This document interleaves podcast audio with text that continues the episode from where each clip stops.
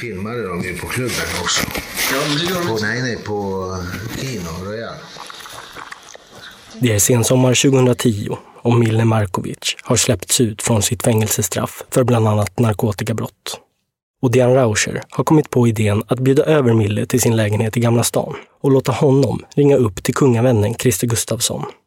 För under Diane och Thomas intervju med Christer uttryckte han sig nämligen på ett sätt som kunde tolkas som att han knappt känner Mille Markovic överhuvudtaget. Och det stämmer inte överens med andra vittnesuppgifter hon har tagit del av. Så hon vill se vad Christer har att säga om Mille ringer upp honom. Hallå ja? Tja Christer, det är Mille. Ah, tjena, tjena. Tjena, tjena. Christer och Mille känner visst varandra. Och de börjar här att prata. Men det som Diane och Thomas inte förberett Mille på är vad han faktiskt ska säga till Christer. Så Mille improviserar och hittar på att anledningen till att han ringer är för att han hört att Christer spridit rykten om att Mille är kokainist. Det är rykte och skitsnack att snackar om mig så jag skulle bara fråga om det stämmer någonting eller inte. Nej, det kan jag inte tänka mig. Det är skitsnack va? Ja, vad ska det vara? Jo, för det är några tjejer vet du, som påstår du vet, att jag använder kokain, att jag säljer kokain och sådär. Så jag men vad fan. vet, jag har aldrig Ta tag i dem då. För att jag har ingen kontakt med kvinnor överhuvudtaget. Vet du. Jag, har hållit med, jag har ingen kontakt med det, de där människorna överhuvudtaget. Och det är sånt skvaller idag. Vet du. Det är en bok som ska skrivas om kungen. Jaha. Men på något sätt verkar det här vara en bra ingång. För snart börjar Christer prata om boken om kungen och om oron han har inför den. För att det är jag som har ett jävla dåligt rykte i den här boken som kommer ut.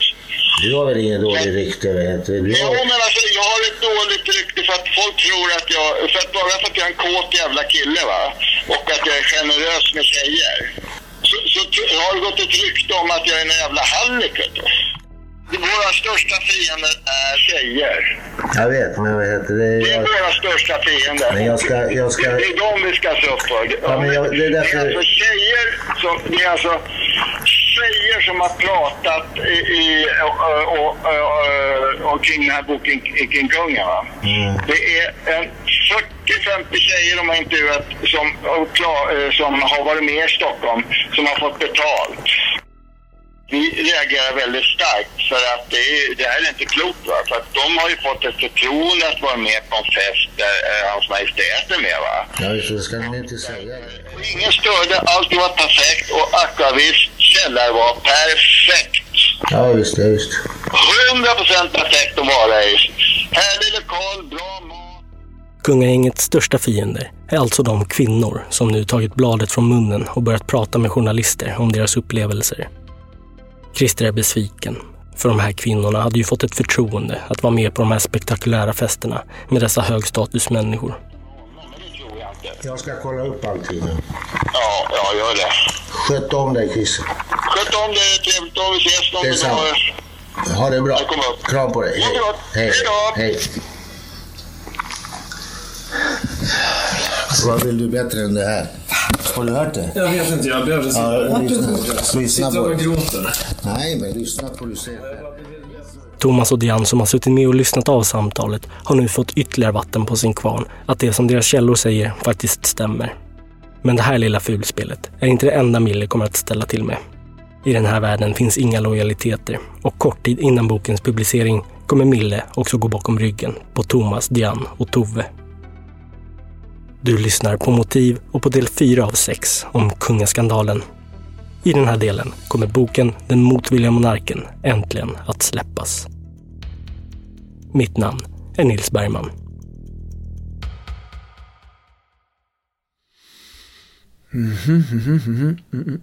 Just det. Sen är det så att jag ringer, det är min uppgift också att ringa resten av kungagänget. Christer Gustafsson var den första av kungavännerna som författarna valde att kontakta.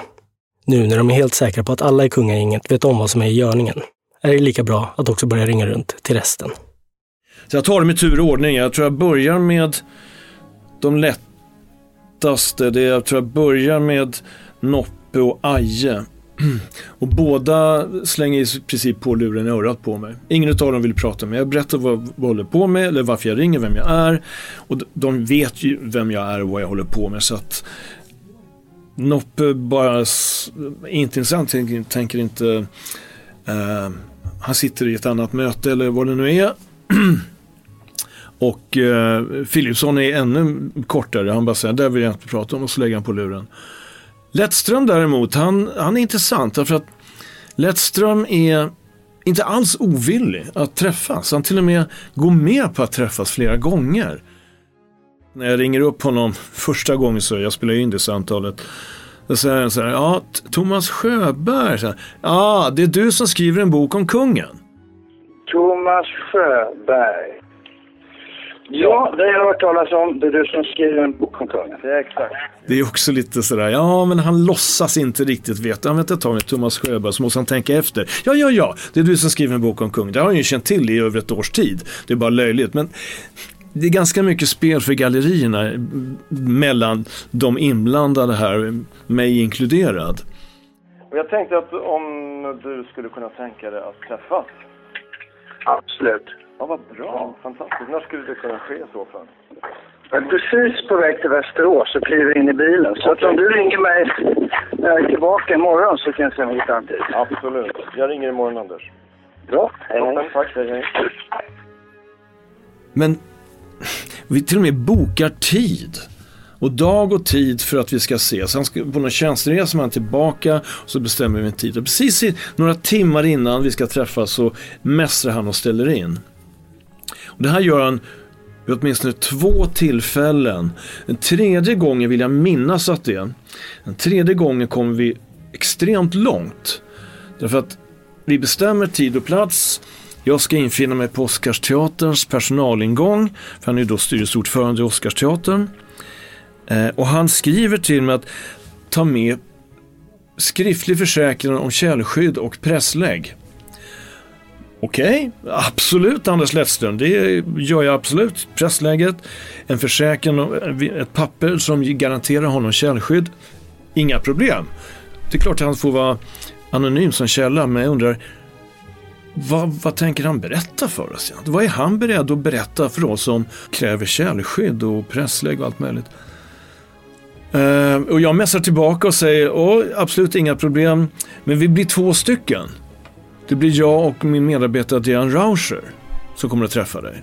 För jag känner att vi måste vara två om vi ska träffa Lettström. Det är bara, precis som vi var två när vi träffade Gustafsson, så vi måste vara två när vi träffar Lettström.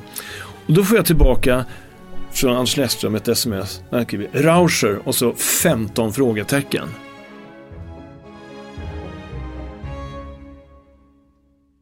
Ja, jag skriver tillbaka. Är det, är det ett problem? Får inget svar. Jag tror det några timmar innan vi ska träffas så får jag ett sms från Anders Lästrum. Hej, jag kan tyvärr inte träffas idag. Jag måste ställa in vårt möte. Med vänlig hälsning Anders Lästrum. Och då undrar jag, vilket jag aldrig får veta, det är han känner han till Diane Rauscher? Det är klart att han gör. Har han, han vet vad hon har skrivit tidigare? Ja, det är klart att han vet. Eh, att hon har skrivit om eh, bordellaffären och Geijer, eller bordellhärvan och Geijeraffären. Och ja, min gissning är att nej men alltså, Diane är ett rött skynke för det här gänget. De vet rimligtvis om att hon jobbar med kungaboken, men att han ska konfronteras med den kvinnan som är känd för att ha avslöjat män som har utnyttjat kvinnor. Eh, det, det, det, finns inte på, i hans världsbild antagligen. Så att det här att Jan skulle vara med, det är nog det som skälper intervjun, tror jag. Och det är därför han ställer in en sista gång. Det blir aldrig någon intervju med Lettström och han slutar helt att svara på Thomas kontaktförsök. Kvar återstår också beskedet från presschefen Nina Eld om huruvida kungen själv kan tänka ställa upp på en intervju. Det är inget författarna direkt räknat med. Men ända sedan Thomas skickade sitt mejl till Nina Eld med den förfrågan har han varje morgon i några veckors tid med bävan öppnat upp sin inkorg, nervös inför beskedet. Och till slut dimper ett mejl ner. Väldigt kort mejl och väldigt formellt. En sån här standardformulering. Hej Thomas, tack för din, ditt mejl med eh, intervjuförfrågan Eh, till eh, HMK. Eh, men som dessvärre avböjer. Tack för, din, tack för visat intressen och sånt där. Med vänlig hälsning Nina Eld. Alltså, Det, det, det blev renare på något sätt. Okej, okay, han tackar nej, fine, vi fortsätter ändå. Det är inte mycket tid kvar nu. Researchen är gjord, en mängd olika personer har intervjuats och Thomas har redan satt mycket på pränt. Men det återstår en hel del arbete och klockan tickar. Så Thomas, Diane och Tove åker ut till Thomas landställe för att tillsammans gå igenom allt material en sista gång. Vi eh, sammanställer allt och går igenom vårt, allt vårt material. Nej, men jag tror att vi barrikaderade ett helt rum. Att det låg papper precis överallt. Och att vi går igenom minutiöst vartenda komma i princip det skrevs tidslinjer och det, liksom, det här klassiska, man kan nästan se det framför sig i filmklipp, liksom, när man eh, lägger ett blädderblock på bordet och bara gör en typ mindmap av massa människor. Och jag kände att det var nästan något historiskt som man fick vara med om. Allt material som vi hade eh, på bord och på golv och försökte bringa någon slags ordning i alltihopa med post-it-lappar och all dokumentation vi hade utskrifter av intervjuer, vem säger vad och hur hänger alla de här människorna ihop? Och, och jag minns att Thomas högläste ur det avsnittet som handlar om eh, Camilla Henemark, kurtisanen. Eh, och att vi lyssnade, jag och Diane, och kände att det här är väldigt fint skrivet av Thomas. Det är liksom rörande. En berättelse om ensamhet eh, och eh, närhet. Och det är ju mycket i den här hela boken, det jag har tänkt på också, liksom, det, det handlar ju om att hitta tillhörighet. Och det är det ju även för för vår monark att hitta tillhörighet, samband där man kan bara släppa och inte behöva ha den här masken på sig, inte behöva bä bära de här kronjuvelerna. um, hitta sammanhang där han får bara vara sig själv. Det känns som det. Uh, en, en motvillig monark som sagt. Vi hade några fina dagar på sommarstället. Uh, och det där knöt ju oss ännu närmare samman, oss tre. Just där och då är boken i fokus. Den ska bli så bra som möjligt. Det längre perspektivet, vad som kan tänkas hända när boken släpps och hur den kommer tas emot, har de inte riktigt hunnit fundera på ordentligt. Alltså, vi, vi kan inte ens föreställa oss vad som väntar. I min naiva enfald förstod jag aldrig vilken sprängkraft det var i det här. Jag förstod att det skulle väcka uppmärksamhet, att det skulle bli en del löpsedlar. Men, men jag hade ju aldrig kunnat drömma om eh, vad som sen hände.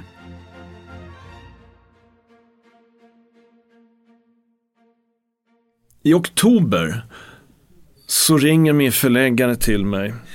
Han har blivit uppringd av Tommy Lindström. En månad innan lanseringen ploppar den före detta rikskrimchefen Tommy Lindström upp igen. Den här gången kontaktar han inte Thomas, utan går direkt till Thomas gamla förläggare Per Gedin, som nu är styrelseordförande i förlaget Lind Company som ska ge ut boken om kungen.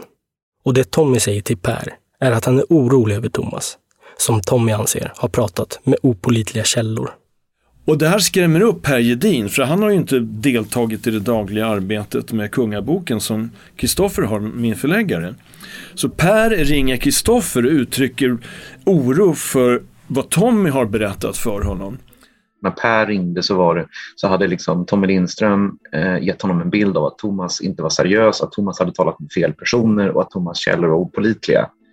Vi hör förläggaren på Lind Company, Kristoffer Lind.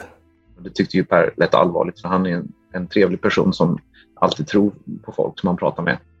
Jag var bara sådär, oj oj oj, har Thomas pratat med opolitliga källor? Nej, men det är ju inte bra. Alltså det, var, det var på den nivån. Och Kristoffer ringer mig och berättar att Per är orolig för vad Tommy just har berättat för honom. Så här, det är liksom som viskningsleken. Det kommer det är helt annat i... Nej, men det är helt bisarrt därför att Tommy ringer till Per, Per ringer till Kristoffer, Kristoffer ringer till mig. Och jag säger till Kristoffer, vi kan lugna Per. Tommy är ute och cyklar, han vet inte vad han pratar om, jag förstår inte varför han säger så här. Men vi har inga problem med våra källor.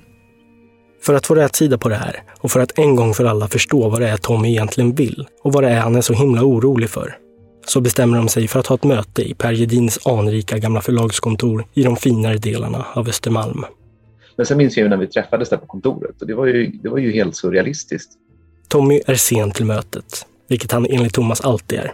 Han ger alltid sken av att han har någonting ännu viktigare för sig någon annanstans. Men till slut dyker han upp och Per Gedin har dukat fram kakor, te och kaffe. Och ingen har någon aning om att det här mötet kommer bli riktigt obehagligt. Vad som sägs under det här mötet är att Tommy berättar att han är orolig för min skull, för Thomas skull. Han vill inte att jag ska råka illa ut. Han vill inte, om han vore Säpo-chef så skulle han vidta lämpliga åtgärder. Och eh, då säger ju Tommy Lindström att eh, de här människorna på Säpo ska man ju akta sig för. Och om ni bråkar med dem så kommer ju de att bråka med er. Eh, och då frågade vi ju vad det, skulle, vad, som, vad det var och det var ju väldigt, väldigt luddig men det, budskapet var ju väldigt tydligt. Bråkar ni med, med, med, med, här så kommer det bli bråk eh, tillbaka. Och eh, sen eh, så föreslog han, och det minns jag ju väldigt tydligt, att vi istället för att skriva den här boken skulle skriva en trevlig bok om kungen.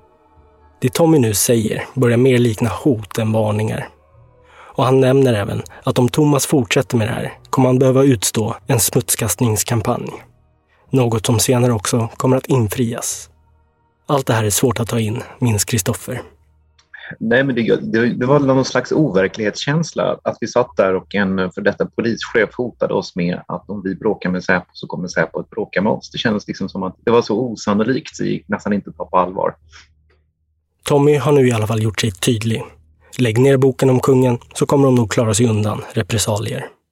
Så det finns ju inget bevis för, men det är svårt att se att han skulle ha agerat självständigt utan att han måste ha gjort det på uppdrag.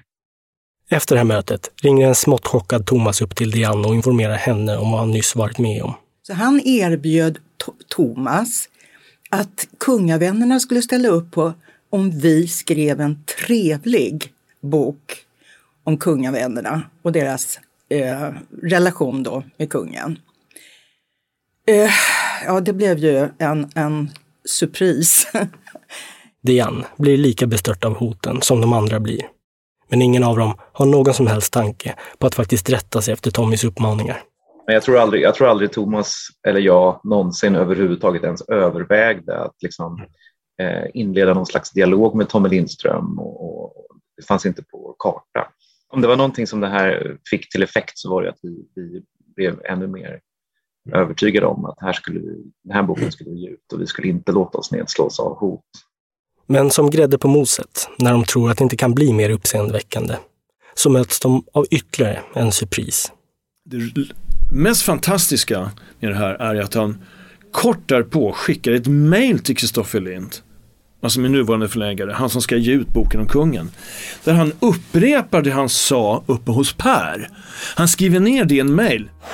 Ping! Skickar det till Kristoffer.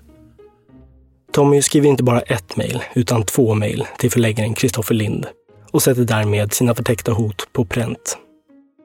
I det första mejlet skriver han citat Kristoffer, trevligt att träffas igår. Det skulle vara intressant att få läsa de avsnitt som handlar om livvaktsverksamheten. Är det möjligt? Frågetecken. Jag är fortfarande osäker på om er sakbedömning är korrekt. Jag tror att en förtalsprocess inte skulle vara bra för någon Vore jag en representant för den andra sidan skulle jag låta skriva en trevlig och initierad motbok om huvudmannen och hans vänner. Jag tror att den blir läsvärd. Och man kan fråga sig varför ni inte etablerat en sådan kontakt med personerna och skriver denna bok själva. Fridens Tommy Lindström. Han återkommer senare med ytterligare ett mejl. Citat. God morgon Kristoffer.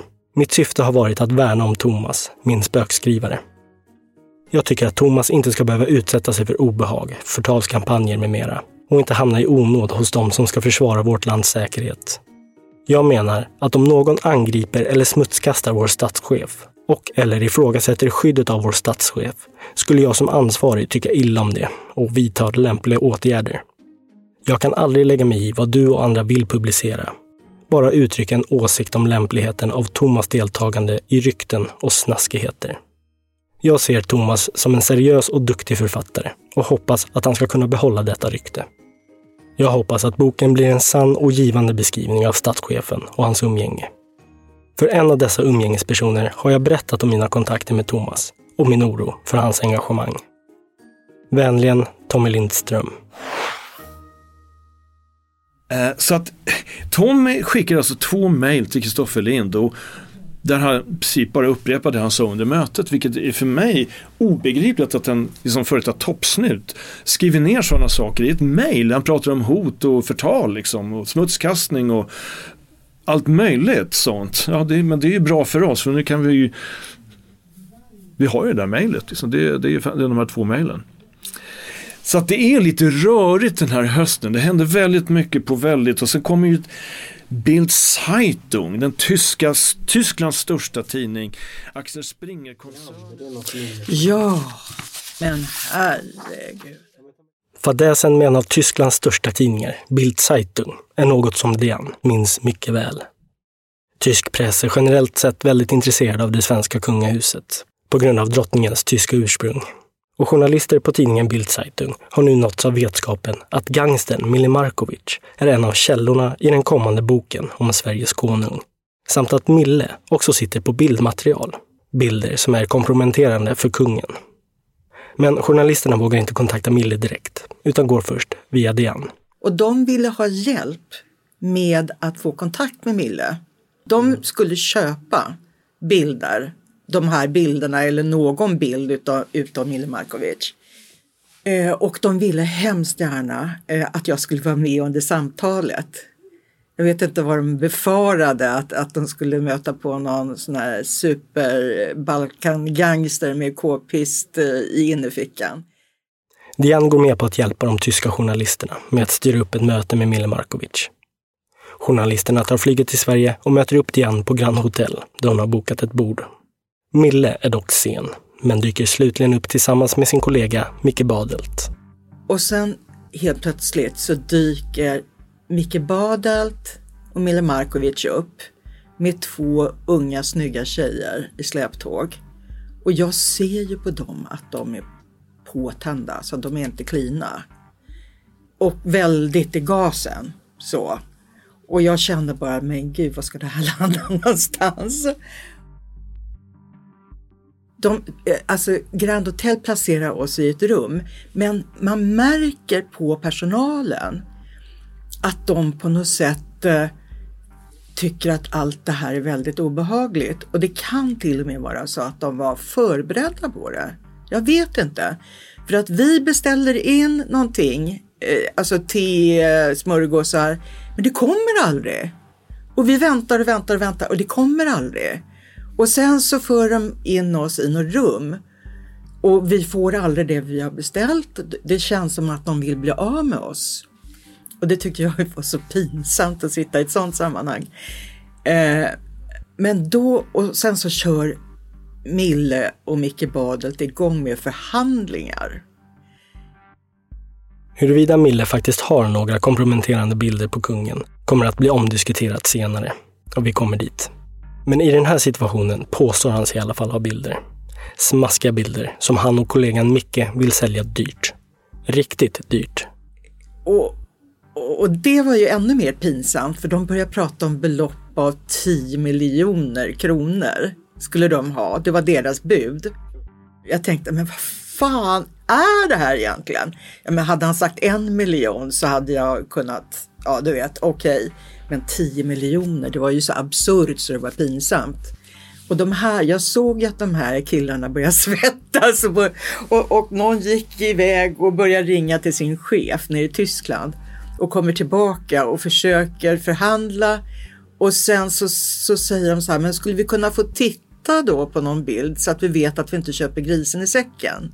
Alltså, konversationen var på engelska. Och då, och då säger, vad var det han säger Mille?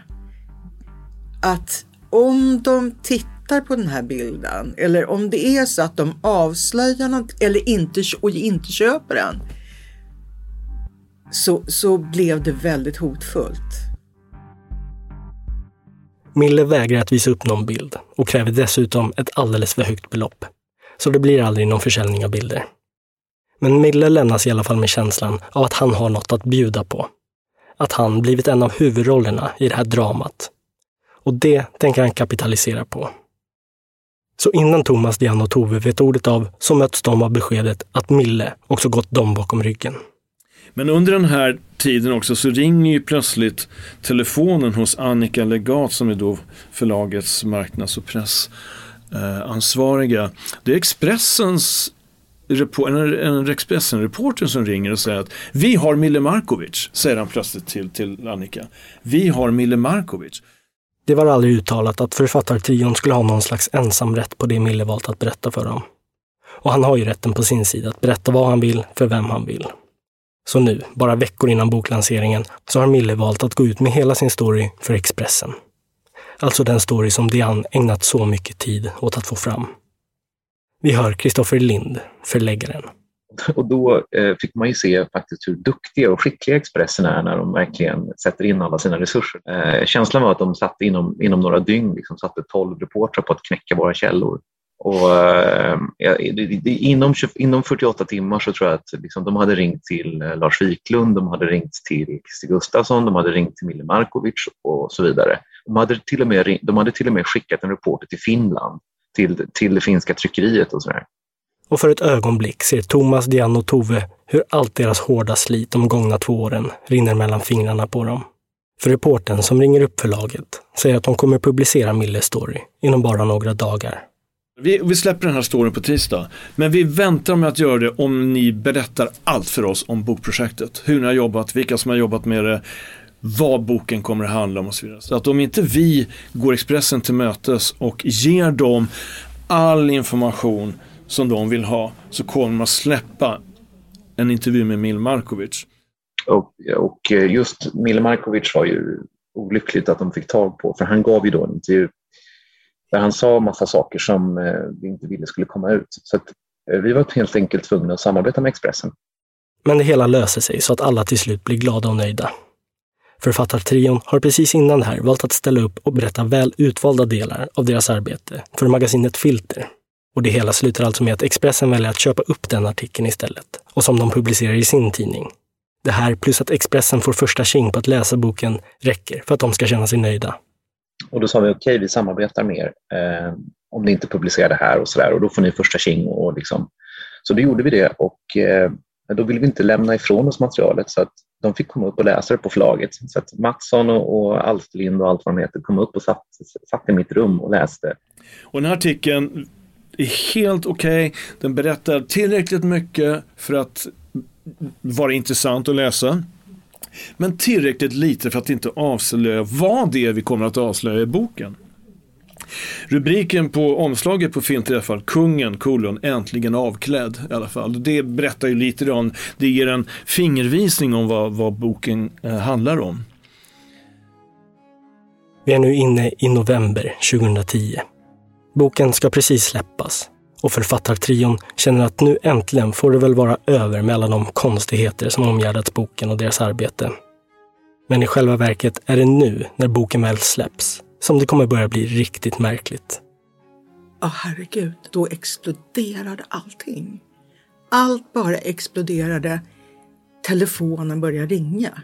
Boken Den motvilliga monarken släpps den 3 november och briserar alltså som en bomb. Men livet eh, blev helt omkullkastat. Allting handlade om den här boken. Det ringde folk från hela världen. Ett stort tryck från media hade författartrion ändå förväntat sig. Men kanske inte riktigt ett sånt här enormt tryck.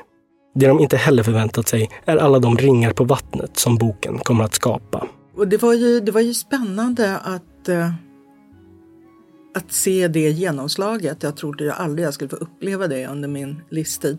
Det var ju kul också. Det var kul, det var jobbigt. Det var drama, det var som att leva i en surrealistisk film på något sätt. Det kändes overkligt. Boken kommer att omkullkasta många personers liv och smutskastningskampanjer kommer att hagla efter det att kungavännerna trappar upp sina mörkläggningsförsök rätt rejält. Vi kommer till det. Boken Den motvilliga monarken säljer slut direkt och slår försäljningsrekord. Den säljer bättre än vad en Harry Potter-roman vanligtvis brukar sälja. Det är med andra ord högt tryck på den bok som så många senare kommer hävda att de givetvis aldrig läst. 20 000 ex på ett dygn. Alltså, medierna gör inslag i nyheterna De besöker bokhandlare. De besöker Akademibokhandeln där kungaboken finns i drivor. De besöker, tror jag, distributions hubben för, för boken och filmar när den lastas på pall. Böckerna kommer i stora eh, liksom, flyttkartonger och ingen var ju intresserad av boken och förhandsbeställa den innan. Men nu så är den liksom slut dag ett. Uh, när jag går på tunnelbanan så sitter någon med, med boken liksom precis framför mig och jag känner att det här är så surrealistiskt. Uh, och varje dag är liksom som en, som en ny spännande uh, drama. jag tycker att vi kan låta hans privatliv vara i fred. Men folkets reaktioner är minst sagt blandade. I den enkät som SVT gör ute på stan verkar de flesta luta åt att det här bara är skvaller. Och att även om det stämmer så ska kungen ha rätt till ett privatliv. Men att han är statschef då? Bör man inte kunna ställa lite krav på honom? Inte den typen av krav, det tycker jag inte. Så länge han håller sig inom det lagliga så får han väl göra vad han vill på sin fritid. Men det är klart att bilden av honom kommer ju säkert förändras. Det, det, tror jag. Han är väl någon form av representant för Sverige och skulle det då komma ut, och det har det väl säkerligen redan gjort i utländsk media, att han har sådana grejer för sig så är det säkert inte bra.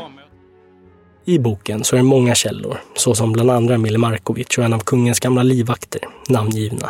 Men de kvinnliga källor som Diane pratat med är källskyddade eftersom kvinnorna fruktar för sin egen säkerhet. Så de har benämnts med bokstäver såsom A, B, C, D och E. Och att de här källorna är anonyma tycks vara ett stort problem för läsarna. Bryr mig inte, inte det minsta. Och framförallt på grund av att de är anonyma. Det är så fegt och så dåligt. Här uttalar man som saker och ting och sen står man inte upp för det. Det är eh, snaskigt tycker jag. Ja, jag tycker liksom att det är ett storm i vattenglas. So what? Men något som ändå verkat fastna för några av läsarna, vilket författartrion också uppskattar, är uppgifterna om samröret kungen och hans vänner haft med gangstrar och svartklubbar. Det finns ju en litet frågetecken. Det är ju hans kompisars dåliga omdöme. Att liera sig med den här typen av restauranger med den bakgrunden på ägarsidan som man fick se igår. Det är hur dåligt som helst. För Tove Meijer kommer det här boksläppet få oanade negativa konsekvenser. Jag hade ju bara tänkt att jag skulle stå med som tack till Tove Meijer för att du har tagit fram de här uppgifterna eh, i slutet. Men Thomas valde att sätta mig och eh, hans namn på omslaget och där skedde ju liksom en förändring för mig där jag gick från att vara researcher till att bli medförfattare. Och det kanske inte jag förstod i det eh, just där och då det hade ju en stor innebörd. Eh, det ledde ju också till att jag under en period blev av med jobbet eh, på Sveriges Radio.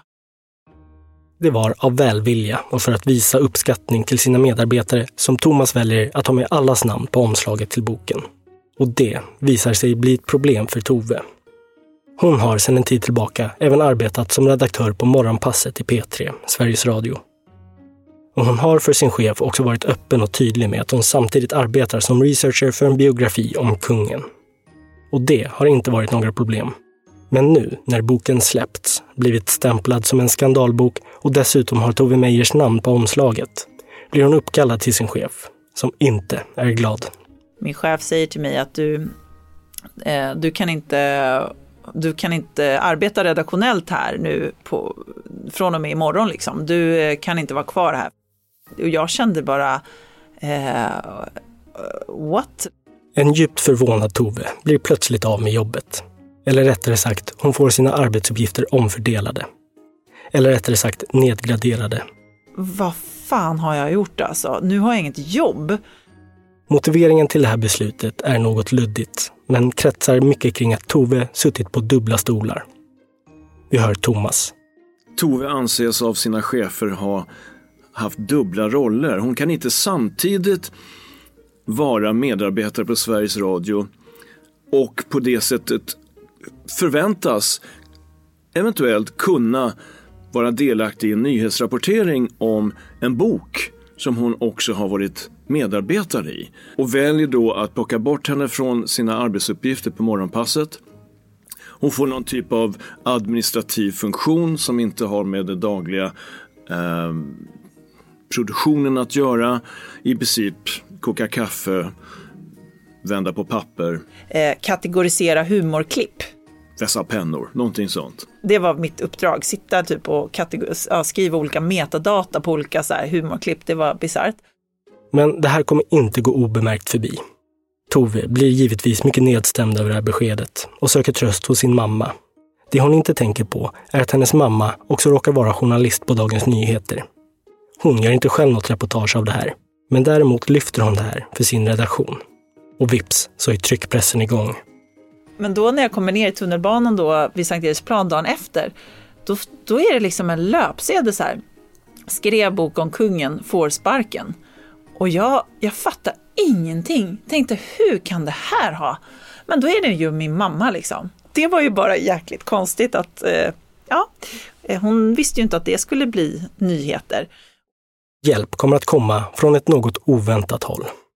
När Tove med tunga steg tagit sig till sin nya stol för att sätta igång med sina nya arbetsuppgifter, att kategorisera humorklipp, knackar en av hennes medarbetare henne på ryggen och säger att Jonathan Unge har sökt henne. Jag tänkte jag, Jonathan Unge, han jobbar ju på så här tankesmedjan i P, P3, hur, liksom, komiker. Äh, han tycker det här är helt galet och han börjar gå i bräschen. Nyheten om att Tove fått sina arbetsuppgifter nedgraderade bara för att hon varit med och skrivit en bok som granskat kungens liv sticker rätt rejält i ögonen på Jonathan Unge. Och han skiter i att han själv arbetar för Sveriges Radio och bestämmer sig för att i radioprogrammet Tankesmedjan rikta skarp kritik mot sin egna arbetsplats. Eh, Jonathan Unge, du har gått igenom det här med Tove Meyer och Kungen-boken. Precis, nu, låt oss eh, liksom studera vår egen navel. Mm. Ett medium har ballat ur sådär lite extra. Sveriges Radio upptäckte på fredagskvällen den 29 oktober att eh, eh, den inte alls var ett public service-företag, utan en höna. Och en höna som dessutom var utan huvud. Eh, Och vad som följer är ju att han, han dissekerar den här lilla storyn med min avstängning i, eh, i Sveriges Radios bästa humorprogram. Och han gör det ju också på ett sätt som är väldigt slagkraftigt och väldigt roligt. Och jag känner mig ju otroligt uppskattad och känner bara oj, eh, det här verkar ju verkligen till min fördel. Och Jonathan Unge tar avstamp i en intervju i Studio 1 i P1 som programdirektören Björn Lövdahl ställt upp på. Där han ger svar på varför Tove har stängts av. Men Jonathan anser att Björn inte kommer med några bra svar överhuvudtaget. Den det ju- risken måste det är vara ju, Det är ju obefintlig. det förhållandet som har uppstått, att, att det visar sig i efterhand att hon har haft kunskaper som hon inte har bidragit med i arbetet här på Sveriges Radio. Jag fattar ingenting nu. Nej, jag förstår heller riktigt. Mer, vad han menar i alla fall att eh, hon har haft tillgång till, eh, eh, till massa liksom heta eh, nyheter och att hon inte har bidragit med de nyheterna till Sveriges Radio. Va, är det det hon blir straffad för? Det blir jag straffad för. Nu, nu, Va? Ja, precis. Men problemet är, för det ska man, informationen är alltså, det som då Björn har rätt ut för oss, hela den här varför Tove är avstängd, det är ungefär så här. Eh, det har absolut inget med innehållet i boken att göra. Nej, det sa han. Eh, ett innehåll ledningen inte har en aning om vad det kan vara för något. Ett innehåll som kan ha tagits fram genom oklara metoder, eh, vilket då inte är förenligt med SS-regler, men som trots det borde ha gjorts tillgängligt för just Sveriges Radio. Plus att de inte då har en aning om vilka metoder det är och de vet ingenting. Samt att Tove Meyer suttit på två stolar, kanske, så kan man se det. Men det är i och för sig något ledningen liksom inte har någon som helst aning Nej, Aning. hur ska de kunna ha en aning om det? De har inte läst boken. De vet inte. Hur ska de kunna veta det? Då, hur ska de kunna veta det? De har ingen aning. Då frågar man sig, vad kommer hända eh, med Tove Meyer i framtiden? Är hon bara Ja, det avstängd? Liksom, eh, eh, hur blir det? Är det två månader? Kommer hon få jobba redaktionellt och journalistiskt med Morgonpasset igen? Eh, vi frågar Björn. Ja, vad som ligger i framtiden har jag ingen aning om. Nej men dra på Trisso! Det var väl eh, eh, en jävla, vilken högoddsare det var att du inte visste ett skit. Eh, hur skulle man, det är bara något gått som, gått som en röd tråd genom hela den här 13 minut långa intervjun du har gjort med Studio 1. Att du inte har... Och det här blir ju då en liten skandal vid sidan om kungaskandalen. Därför att journalister är ju väldigt snabba att ta upp saker där de uppfattar att andra journalister behandlas på ett fyrkantigt och tondövt sätt. Och det här var ett klockrent fall där Sveriges Radio kritiserades för att agera på det här sättet som skulle kunna tolkas som att man någonstans sprang kungahusets ärenden. Man straffar en medarbetare för att hon har varit delaktig i en bok som granskar kungen eh, och kungens privatliv. Och det här var ju en debatt i debatten kan man säga. Eh, Sveriges Radio kom inte särskilt väl ut ur den debatten. Och gissa vad som möjligtvis kommer hända. Kommer Tove Meyer få sparken? Nej, det kommer hon inte. Det vet vi. Man kan nämligen inte få sparken från Sveriges Radio. Nej. Nej, det vi- fina är att vi alla går på skitkorta kontrakt som snart går ut. Inom, är någon jobbig så behöver man bara sätta en person på att koka kaffe i sex månader och sen är man av med det problemet. Är inte det skönt? Va? Tack så mycket, Sveriges Radio.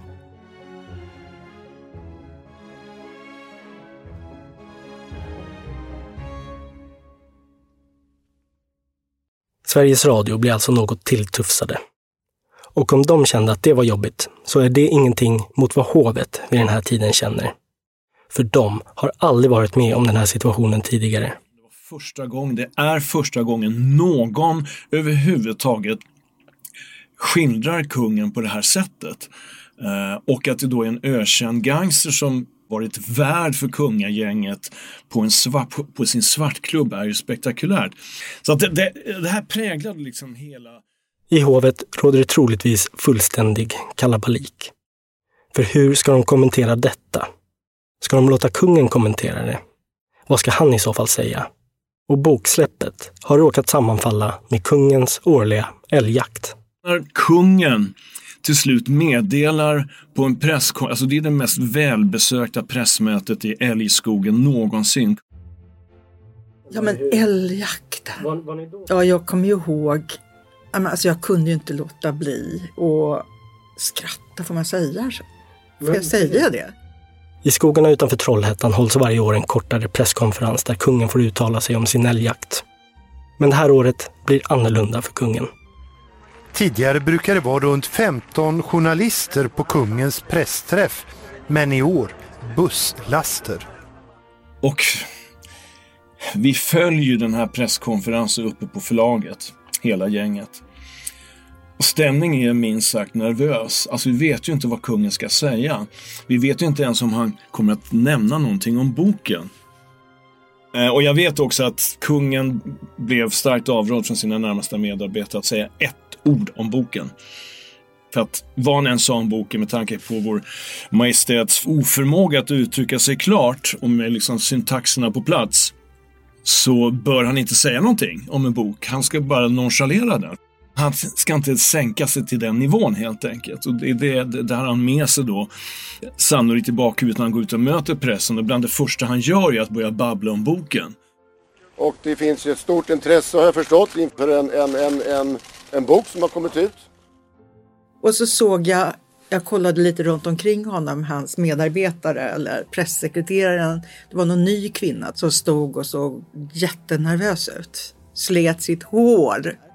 Och jag, jag förstod ju att han hade fått strikta direktiv utav människor som, som, inte, som borde men inte kunde styra honom. Men han är kungen. En kung gör vad han vill, eller hur?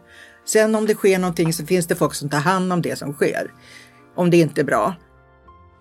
Och, och eh, ja, bara för att ni ska förstå. Jag har inte hunnit läsa boken. Han kommer ganska snart in på boken och stammar sig igenom sju minuter när han påstår att han inte läst boken. Att han naturligtvis inte har tid att sitta och läsa böcker hela dagarna som kanske ni har, säger han och vänder sig Eh, jag har faktiskt inte hela tiden att sitta och läsa böcker, tyvärr nu på dagarna som ni kanske gör. Men jag kan inte recensera en bok som jag inte har läst, det måste ni förstå. Jag har emellertid fått mig förstå på grund av en, en, en massa rubriker vad som kan handla i den här boken och så vidare. Eh, det är klart, det är inte så roligt att recensera en bok när man då blev eh, ja, olika rubriker som man tycker kanske inte är eh, det där jättetrevligt att se. Och med tanke på de här rubrikerna och så har jag självklart eh, talat med både familj och, med, med, med eh, drottningen Och eh, vi vänder på ett blad ungefär som ni gör i era tidningar och eh, ser framåt istället för det här är någonting som har, ja, vad jag har förstått enligt boken och de information jag har fått, någonting lång tid, lång tid tillbaka i tiden. Vi ser framåt och eh, det ska bli fint och eh, intressant för att jobba. Och, och vad kan de säga? De kan ju inte komma efteråt och säga, kritisera honom. Vad fan säger du din idiot? Vad hade vi kommit överens om? Det kan de ju inte göra. Det är det som är problemet för kungen, att ingen säger emot honom. Han gör som han vill. Och det här finns ju förevigat i ett historiskt pressmöte. Men han avslutar alltihopa med att säga att han har pratat med familjen och med drottningen såklart. Och de har bestämt sig för att vända blad och blicka framåt. Och sen går han därifrån och svarar inte på en enda fråga. Och därmed tackar jag för mig. Tack ni ha. Vi möts nästa gång. Tack. Vad är din uppfattning om sanningshalten i den här boken? Förnekar ni någonting som skrivs i boken? Nu vänder vi blad, säger jag som kungen. Och då tycker jag att ni också ska göra det, så går vi vidare. Jag vet inte om han trodde att det skulle bli så. Men han är ju van vid att det blir som kungen vill. Och, och hittills, innan vår bok, så hade han ju lyckats sätta journalister på plats eller eh, hade aldrig blivit konfronterad. Annat än på ett väldigt hövligt sätt då, att man hade ställt någon, någon fråga. Men, men han hade ju aldrig varit med om det här. Det var ju ett helt nytt scenario. Det var okänd mark för honom. Att han inte hade läst boken var ju en eh, besvikelse måste jag säga. Vad tänker du? Jag är lite förvånad för det var det man hade trott att han hade kanske någon, han hade en möjlighet här att säga någonting eh, om, eh, om sin besvikelse eller var gränserna ska gå för privatlivets frid och så vidare. Eh, Han tog inte det tillfället.